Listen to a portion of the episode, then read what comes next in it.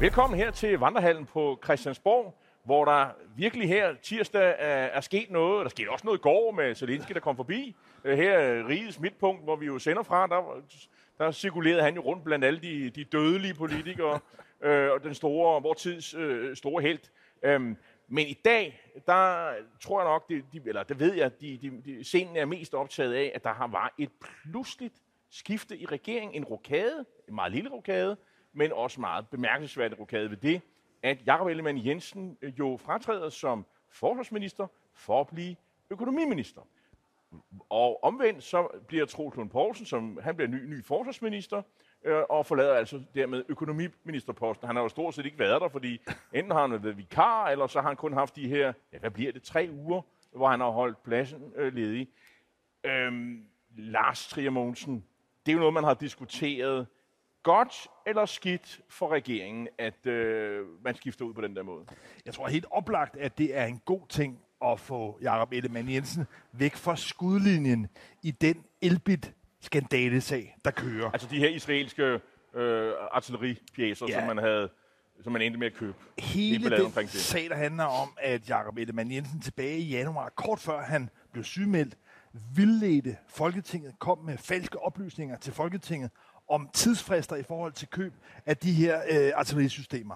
Den sag, den ruller videre. Formelt set er den sådan set lukket, fordi regeringen har sit eget flertal, men der ser ud til med den uvildige advokatundersøgelse, der nu er i gang sat, og de, den række af samråd, man kunne forvente efterfølgende, der har man på en eller anden måde fået kortsluttet det, fået parkeret det og fået det skubbet helt væk fra Jakob Ellemann, og dermed også fra hele fra regeringen. Nu er det i stedet for Troels Lund Poulsen, der skal håndtere det. Det har han allerede gjort. Han siger, det har det ikke noget med at gøre. Det var noget, Jacob Ellemann gjorde. Men det er nogle gange sådan formelt set, at når man ikke længere er minister, så er det også svært at få næse, så er det svært, kan man sige, ligesom at blive kaldt til samråd. Og det vil sige, at hele den sag, selvom den formelt var lukket, er den nu også reelt lukket i den forstand, at det er væk fra Jakob Ellemann, og det har de gavnlige effekter, at regeringen nu kan få lov til at sole sig i den folkelige opbakning, der er til, til oprustning, til, øh, til forsvarssagen, om man vil, øh, uden at det ligesom skal blive øh, mudret ind i de her skandaler.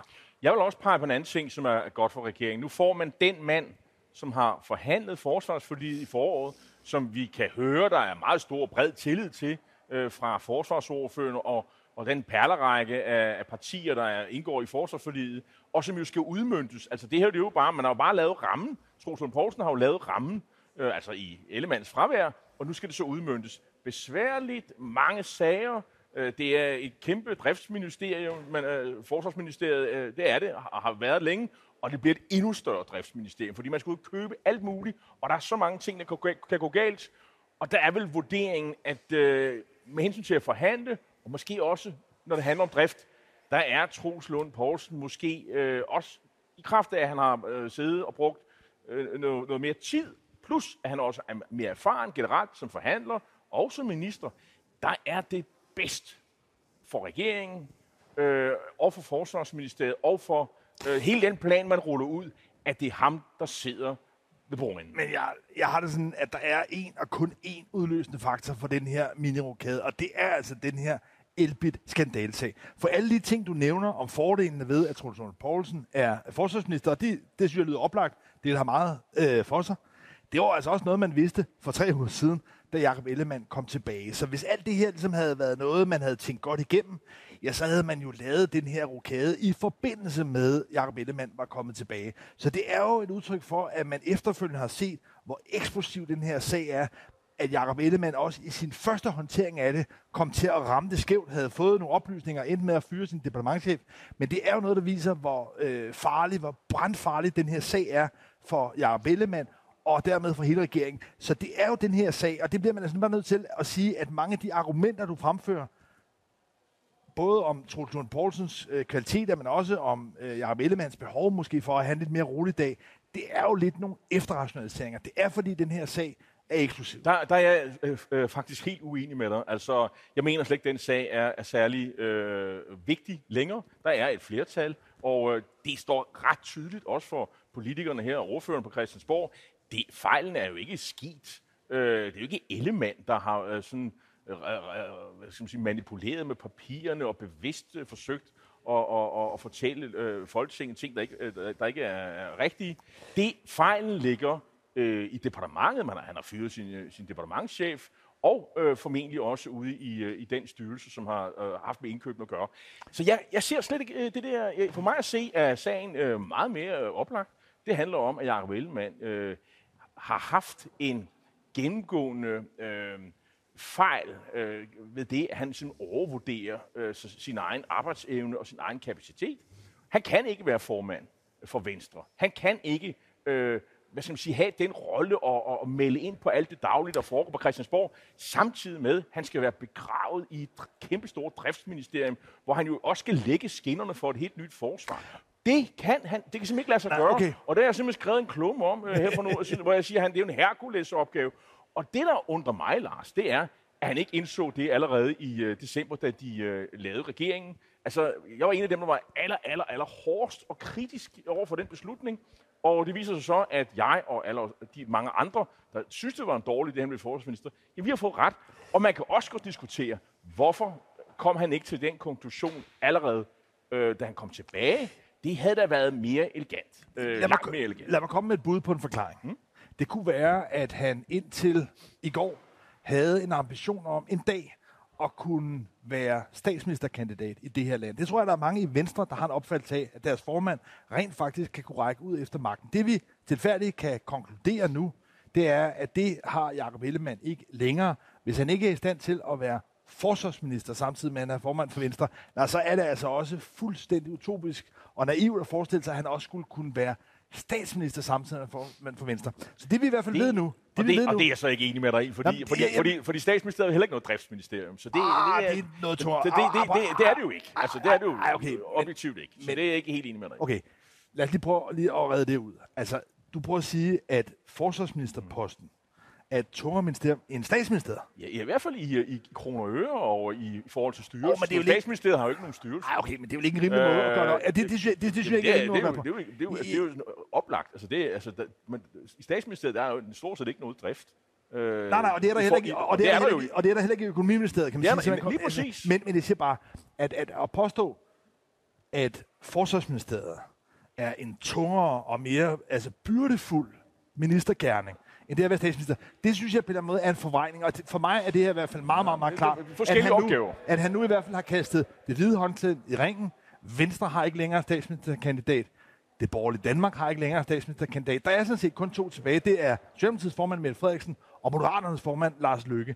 Men Jakob Ellemann har nu meget tydeligt, synes jeg, altså øh, fortalt den undrende offentlighed, at han ikke har kapacitet til at håndtere et så stort og vigtigt ministerium, som Forsvarsministeriet er, og dermed heller ikke hverken Finansministeriet eller Statsministeriet, eller for den sags skyld Justitsministeriet.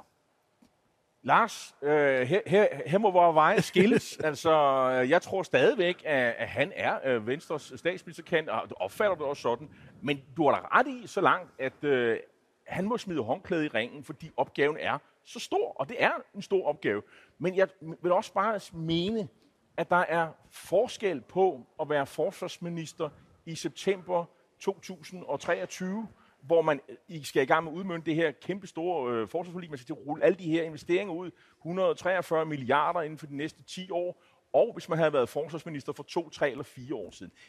Det er ikke den samme opgave. Det, det, det må jeg bare sige.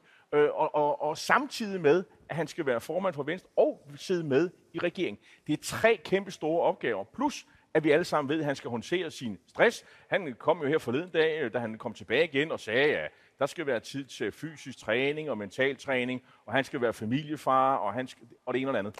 Det hænger ikke men, sammen. Men, men, ja. Det hænger ikke sammen. Dengang, og det har han taget konsekvensen af. Det synes jeg er yderst fornuftigt.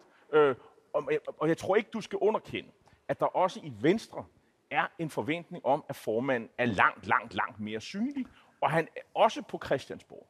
Så på den måde giver det fuldstændig mening. Jeg vil sige, det er den rigtige, objektivt eneste fornuftige beslutning, det er at overlade det der til Troels Lund Poulsen. Ja, ja, men det er jo så, fordi Jacob Ellemann ikke har kapaciteten til det. Nej, men det tror lige... jeg ikke, ikke ret mange mennesker har, faktisk, altså, hvis, du, hvis du spørger mig. Nej, men man kan sige, altså, jeg synes bare, gerne jeg vil stille spørgsmålstegn ved, om Jacob Ellemann nu ligesom skal rundt og pusse alle støvler og bære krudt rundt alle steder. Det er jo heller ikke sådan, så en øh, beskæftigelsesminister eksempelvis er rundt på cykel og, øh, udde- og uddele kontanthjælp og førtidspension. Så man kan sige, ja, selvfølgelig er der et meget stort budget nu, en budget, der vokser til, at Forsvarsministeriet nu kommer op i liga med en, en mere end en håndfuld andre store ministerier.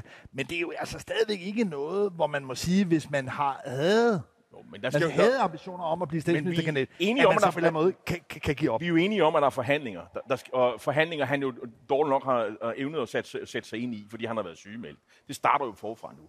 Det er jo også godt for regeringen, at her er en mand, Troels Lund Poulsen, som alle partierne har tillid til som kender mm. synspunkterne, som ved, hvordan forligene skal laves. Men er han det så... er for regeringen klart. Øh, jeg tror faktisk, der måske er nogen, der har sagt, Jakob, er du helt sikker på, at du er den rette mand til dit job? Det har man sagt i Venstre, ja. og det har man sagt nænsomt til ham i regeringen. Men vil du så ikke også og det, medgive... Og, og, det, og det, den beslutning, det synes jeg er en helt fair kritik. Det er, den beslutning skulle han nok have truffet, før han kom tilbage igen og det ikke også, 1. Øh, august. Og vil du ikke også gerne medgive, at hvis det er den konklusion, man træffer, og det synes jeg, at der er, som sagt, altså god grund til, at man så også med rimelighed kan stille spørgsmålstegn ved, om det har nogen særlig høj troværdighed, når han nu vedbliver med at hævde, at han skulle være statsministerkandidat. Altså, jeg er simpelthen jo, men, svært men ved altså, at kombinere de to jo, ting. Jo, jo, men altså, Venstres formand er per definition statsministerkandidat. Det, det er synes jeg ikke længere. Du, du kan ikke være Venstres formand og ikke være statsministerkandidat. Det, kan jo ikke, mindre man hedder Jacob Jamen, prøv at høre, det kan ikke lade sig gøre. Altså, det, det, det kan det ikke.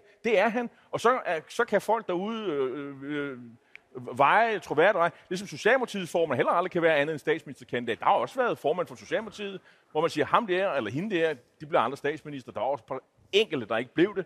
Øh, der har så, ikke været nogen kvinder. Nej, nej, der har ikke været nogen kvinder i det, det er klart. Der, der har heller ikke været så mange socialdemokratiske øh, kvinder. Lars, øh, der sker mange ting, ja. øh, og i går der kom øh, Zelensky, øh, præsidenten for Ukraine. Øh, der var folkefest herude i Rigsdagsgården. Øh, der var væk til væg øh, sending på alle kanalerne. Han fik en varm modtagelse af alle folketingspartier, øh, som står bag øh, det her F-16.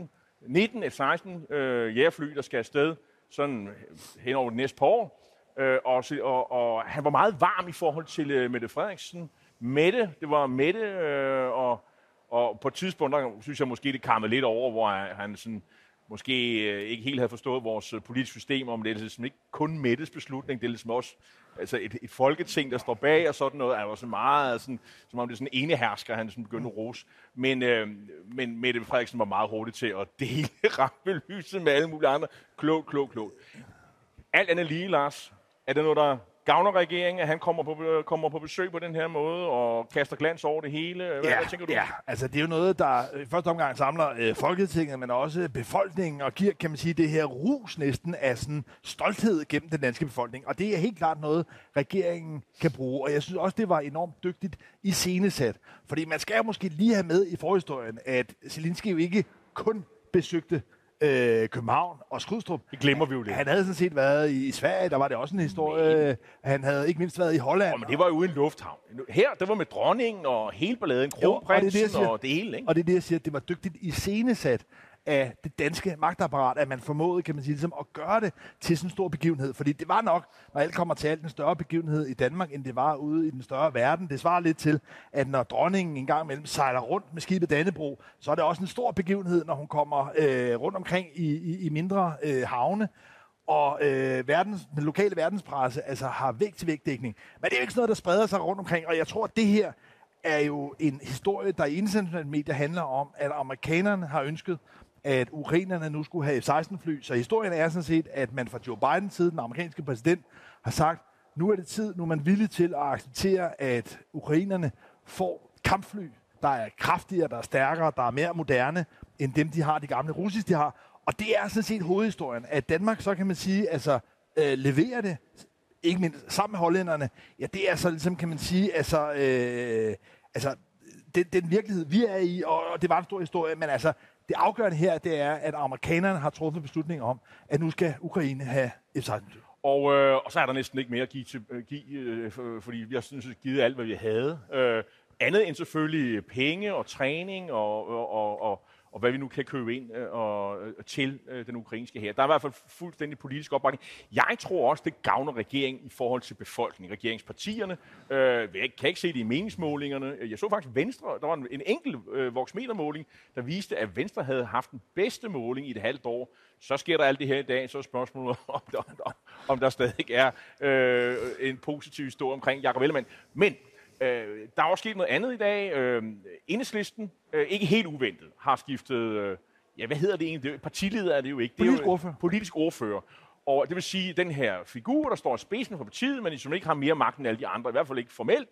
Øh, men det har været Maja Villadsen, hun er blevet gravid, og, øh, og det har hele tiden lagt rekorden af, at hun ikke genopstiller, fordi hun har siddet i syv år. Og så er det så en veteran, kan man egentlig godt kalde ham, ja. Pelle, Pelle Dragsted. Han har været med siden i, i sine 20'er, enten som rådgiver eller som politiker. Øh, så har han været med hele tiden. Øh, Venstrefløjens chefideolog blev han også kaldt.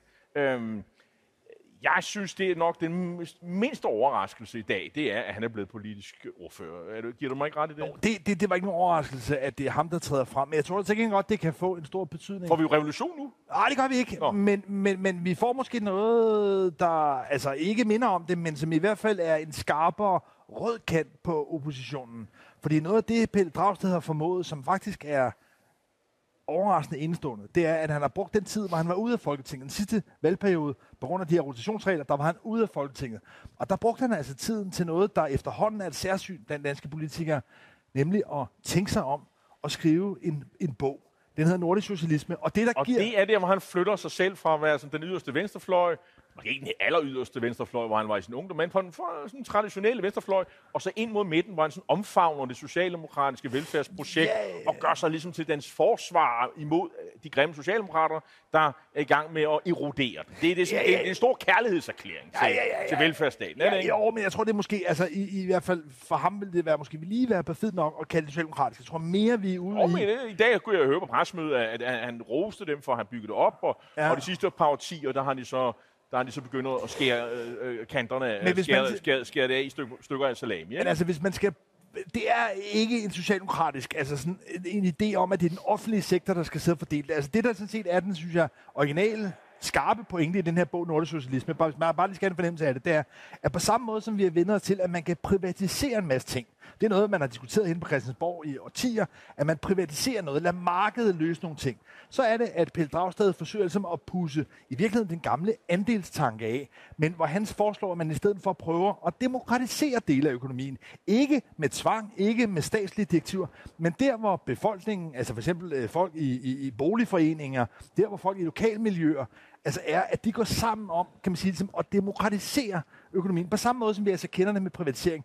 Den idé, altså, synes jeg egentlig er, er ret enkel, og jeg tror egentlig også, den har en ret stor appel. Men det er jo altså noget andet, end der skal sidde altså nogle, nogle tykke mænd i røde seler og, og, og øh, som byråkrater og fordele penge. Men det er ikke sådan en pamperfæld. Det er en idé om, kan man sige, ligesom at revitalisere en andelstank. Jeg er kan sagtens skrive under på alle de øh, positive ting, der er at sige om Pelle Dragsted. Han er også en, øh, øh, hyggelig og, og, og fornøjelig øh, fyr at være sammen med, og meget, meget hyggelig, behagelig person. Der er meget godt at sige om ham, og han er tænksom. Men er det ikke en herre, hvis strategi et eller andet sted har lidt nederlag, Lars? Altså, han er jo nederlagsmand. Altså, den strategi, han har lagt, det er jo, at, at enhedslisten skal ind og være indflydelsesparti, og det er faktisk også lykkedes, mm. måske mest i forrige valgperiode, det er i hvert fald det, de siger. Og de kæmpede, og de kæmpede for det sidste 90. 20. mandat, blandt andet med en anbefaling om at stemme på Alternativet, så de kom ind. Det var noget, han var meget aktiv i, ja. og det lykkedes. Ja. Og så skete der det, Socialdemokraterne, de stak af. Øh, de havde faktisk allerede varslet, at de havde tænkt sig at gå ind og lave det der midterprojekt, som, som øh, han så kalder for højreorienteret, øh, konsekvent. Det synes jeg jo ikke, det er, men det er jo lige meget. Øh, det er jo en strategi, som har lidt skibbrud. Altså, de står jo her med øh, øh, en, en tom hånd. Altså, de har, de har intet at, at gribe i, og nu skal han videreføre det. Havde det ikke været mere naturligt at gå tilbage og så, og så føre en eller anden benhamrende hård oppositionsleder, der kunne puse profilen totalt af. Nu vælger man en person, som er erklæret midtsøgende, moderat, indflydelsesrig, altså hvis man kan tale om det om enhedslisten. Ja. Altså, er det ikke en forkerte mand på det forkerte tidspunkt? Jamen, jeg tror, at læsningen er, at der er efterhånden kun ganske få vælgere tilbage, som ønsker sådan en egentlig sådan, altså, øh, altså kommunistiske paroler, som ønsker, Ej, kan nej, man sige... Nej, men altså, ret, måske sådan mere med noget profil på, ikke? Altså lidt mere profil, en venstreorienteret rød profil. Jo, men altså, det lurer mig, altså, om, om det ikke i høj grad vil lykkes for, for Pelle Dragsted. Vi har jo allerede set, at Pia Olsen Dyr jo har haft stor succes med sin meget stilfærdige fasong. Altså, det er jo ikke fordi, at SF, der er, er fordoblet, kan man sige, siden valget i meningsmålingerne, at de ligesom har kørt den, den, den hårde stil. Og så kan du selvfølgelig sige, det kunne være et yderligere argument for, at enhedslisten i en situation, hvor Socialdemokratiet er gået sammen med Venstre, hvor SF ligger, kan man sige, sådan meget defensivt, at de så på en eller anden måde virkelig skulle øh, tænde parolen op. Jeg tror simpelthen, det er ud fra en erkendelse af, at den idé, Pelle Dragsted i hvert fald har om, hvordan man demokratisere økonomien, ikke handler om, at man i virkeligheden kun skal lave lovgivning og, og styre osv. Nej, det handler om, kan man sige, ligesom at engagere folk. Altså, det er sådan set en idé om at mobilisere civilsamfundet. Og i den forstand, så tror jeg egentlig, at øh, det at gøre øh, venstrefløjen mere egentlig folkelig, det tror jeg i det lange seje træk godt kan være en, øh, en, en fordel. Men, men jeg medgiver, at, øh, at, at han risikerer, at der kommer splittelser, at der kommer, kan man sige, en, en venstrefløj, en hardcore venstrefløj. i enhedslisten, som på en eller anden måde vil gøre livet svært for ham. Vi får se, det bliver enormt spændende. Vi skal nå to ting til, før vi slutter. Den ene er, at øh, de radikale har lidt, øh, lidt ondt af, fordi de har jo prøvet at holde gruppemøde, eller sommergruppemøde med pressemøde i går. Der kom Zelensky ind for højre, så det kunne ikke lade sig gøre. Så flyttede de til i dag. Så sker der alt muligt med Ellemann og, og, og, og, og, og, og med og også noget med, med Lars Barfod, der melder sig ind hos, de moderaterne. Men, og, og, men de har faktisk øh, præsenteret sådan et, et, et klimaudspil med afgifter på fly og alt muligt, som vi kender. Og øh, vægtafgift på tøj, Øh, fordi det skal vi jo være, det skal, det skal gøres dyrere at, at købe tøj, fordi det slider på klimaet og alt det her. Øh, så nu skal vi altså til Sverige og købe noget billigt tøj. Det er jo i forvejen enormt billigt at købe tøj i Sverige. jeg ved ikke, om det er det, der, jeg ved ikke, om det er det, der fordi den svenske krone. Nej, det er ikke det der budskabet, men, men altså 20 kroner på, øh, jeg ved ikke, om det var, det var på, på korbukser. Ja. Jeans. Jeans. Det hedder i, i Skåne. øh, det bliver altså dyrere. Altså, øh, det er i hvert fald det, jeg, jeg ligesom umiddelbart fik ud af det er det det, der får de radikale tilbage igen? Øh, altså sådan nogle idéer som det her med, med, med, med 20 kroner på, på, på korbukser? Ja, jeg tror på mange måder, at det at forsøge at anskueliggøre, at man ved at sætte en pris på forurening, i virkeligheden igen, det er så privatiseringsløsningen i virkeligheden, kan du sige, øh, kan markedsgøre nogle løsninger, som gør, at, at, at hvis du gerne vil øh, altså have en adfærd, mm. som belaster klimaet mere end mig, så må du betale øh, ved kasse 1. Det er også og, på det, cementproduktion og andre ting. Jo, men det, det, men, det, men, men, men det er jo den debat, kan man sige, grundlæggende kan man sige, om, om klimaafgifter. Det er jo noget, der kommer til at flamme op senere på året, når kød, vi får... vores burger bliver dyre og alt muligt andet. Jo, men, men, det, men det er jo en debat, der kommer til... Det, det er jo sådan set et forskud på den debat, vi får altså her hen over vinteren, når ekspertgruppen kommer med deres udspil så, til uh, CO2 så, for, så fornuftigt nok, at man markerer sig på det. Og så, ja, jeg nævnte lige, Barfod melder sig ind hos Moderaterne. Han er træt af Søren Pape. Her en anden dag, der var der uh, øh, Katarina Amitsbøl, et uh, folketingsmedlem, der røg ud ved sidste uh, valg, som nu også har meldt sig hos Moderaterne, hvor de har slået af med Jon Steffensen. Tilgang, det er jo måske ikke de største navne, og, og Barfod har måske sin øh, fremtid bag sig, ikke? Uh, men alligevel noget, der er ligesom øh, legitimere og bakke op om Lykkes projekt. Jeg ser det som sådan noget med, at der er nogle, måske det vi ser her, det er en, øh, en del af den moderate konservative fløj, den EU-positive, den midtorienterede, øh, som siger, vi gider ikke det der projekt, Paper har gang i, hvor det er sådan noget med at øve nej, og vi gider ikke regeringen, og vi står over hjørnet, og vi er sure. Øh, de næste år, det hvor tingene sker, det er i SVM-samarbejdet. Hvis man vil ind og påvirke noget som helst, så er det der, man stiller sig. Hvis man har sådan nogle moderate, konservative holdninger, er Pape ved at tabe en, øh, en del af... Ja, det er jo ikke noget kæmpe stort parti, men han ved at tabe nogle, en, en vigtig fløj, tror du? Eller også er der nogle typer, som er øh, mere opportunister, der ser, at muligheder... er ikke opportunist. Ja, men man kan sige, at man, man ser mulighederne for måske at få et lettere mandat. Den faktor skal du også have med. Oh, jo, med. Men prøv at høre, der er altså øh, skiftedag, om man vil, herinde øh, på Christiansborg. Det har været nogle hektiske døgn, ikke mindst med øh, Zelinskis øh, besøg.